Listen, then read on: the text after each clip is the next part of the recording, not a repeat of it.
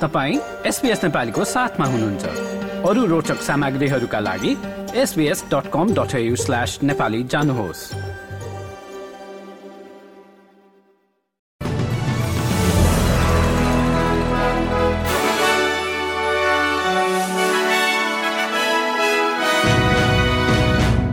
नमस्कार। आज मंगलबार पाँच डिसेम्बर सन् दुई हजार तेइस। अब पालो भएको छ एसपीएस नेपालीमा। आजका प्रमुख समाचार छोटकरीमा सुन्ने। प्रसङ्ग शुरू गरौं। यस महिना ब्याज दर नबढाउने रिजर्भ बैंकको निर्णय सम्बन्धी समाचारबाट।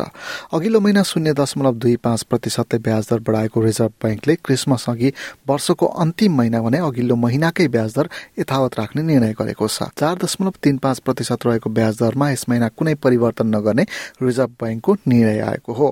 गत महिना बढेको ब्याज दरका कारण अस्ट्रेलियाको केन्द्रीय बैंकको ब्याज दर बाह्र वर्ष यताकै उच्च भइसकेको छ। अर्को समाचारमा आत्महत्या सम्बन्धी अनुसन्धान गर्ने नेशनल सुसाइड स्टडीले पछिल्लो बाह्र महिनामा पच्चिसदेखि उना पचास वर्ष समूहका मानिसहरूमा ऋणलाई लिएर चिन्ता बढेको देखाएको छ। उक्त अध्ययनले पचास हजारदेखि एक लाख पचास हजार डलरसम्म घरायसी आमदानी भएका मानिसहरूमा तनाव बढेको देखाएको हो। सोही आमदानी भएका पचास वर्ष माथिका मानिसहरूमा भन्दा यो उमेर समूहमा आत्महत्या दर छ गुणाले बढी भएको पनि अध्ययनले देखाएको छ। अर्को समाचार समाचारमा मौसम विज्ञान विभागले यस हप्ताको अन्त्यतिर अस्ट्रेलियाका विभिन्न स्थानमा हिट वेभको खतरा रहेको चेतावनी दिएको छ। न्यू साउथ वेल्समा शुरू भइसकेको हिट वेभ पश्चिमी र मध्य भाग हुँदै पूर्वी क्षेत्रमा जाने बताइएको छ। अस्ट्रेलियाका कतिपय ठाउँमा चालिस डिग्री तापक्रम पुग्ने भन्दै तापक्रमबाट आफू र जोखिममा रहेका मानिसहरूको ख्याल राख्न पनि मौसम विभागले भनेको छ।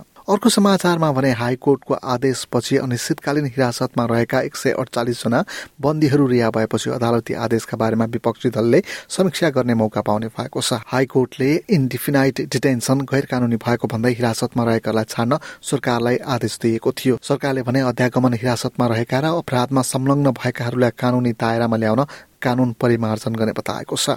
यसैबीच अदालती आदेशपछि छुटेका मध्ये तीनजना मानिसहरू अपराधमा संलग्न भएको पाइएपछि प्रहरीले पक्राउ पनि गरेको छ। अब खेलकुद सम्बन्धी समाचार एमाजोन प्राइम भिडियो मार्फत क्रिकेट टुर्नामेन्ट देखाउने नयाँ सम्झौताको अस्ट्रेलियाको टिभी विज्ञापन सम्बन्धी उच्च निकायले विरोध गरेको छ। ओडिआई र अस्ट्रेलियाका ओल्ड टेस्ट च्याम्पियनहरू एमाजोन प्राइममा देखाउने चार वर्षे सम्झौताको विरोध भएको हो। हस् त यसका साथै आजको एसपीएस संक्षिप्त समाचार यति नै। सुरक्षित रहनुहोस्। नमस्कार।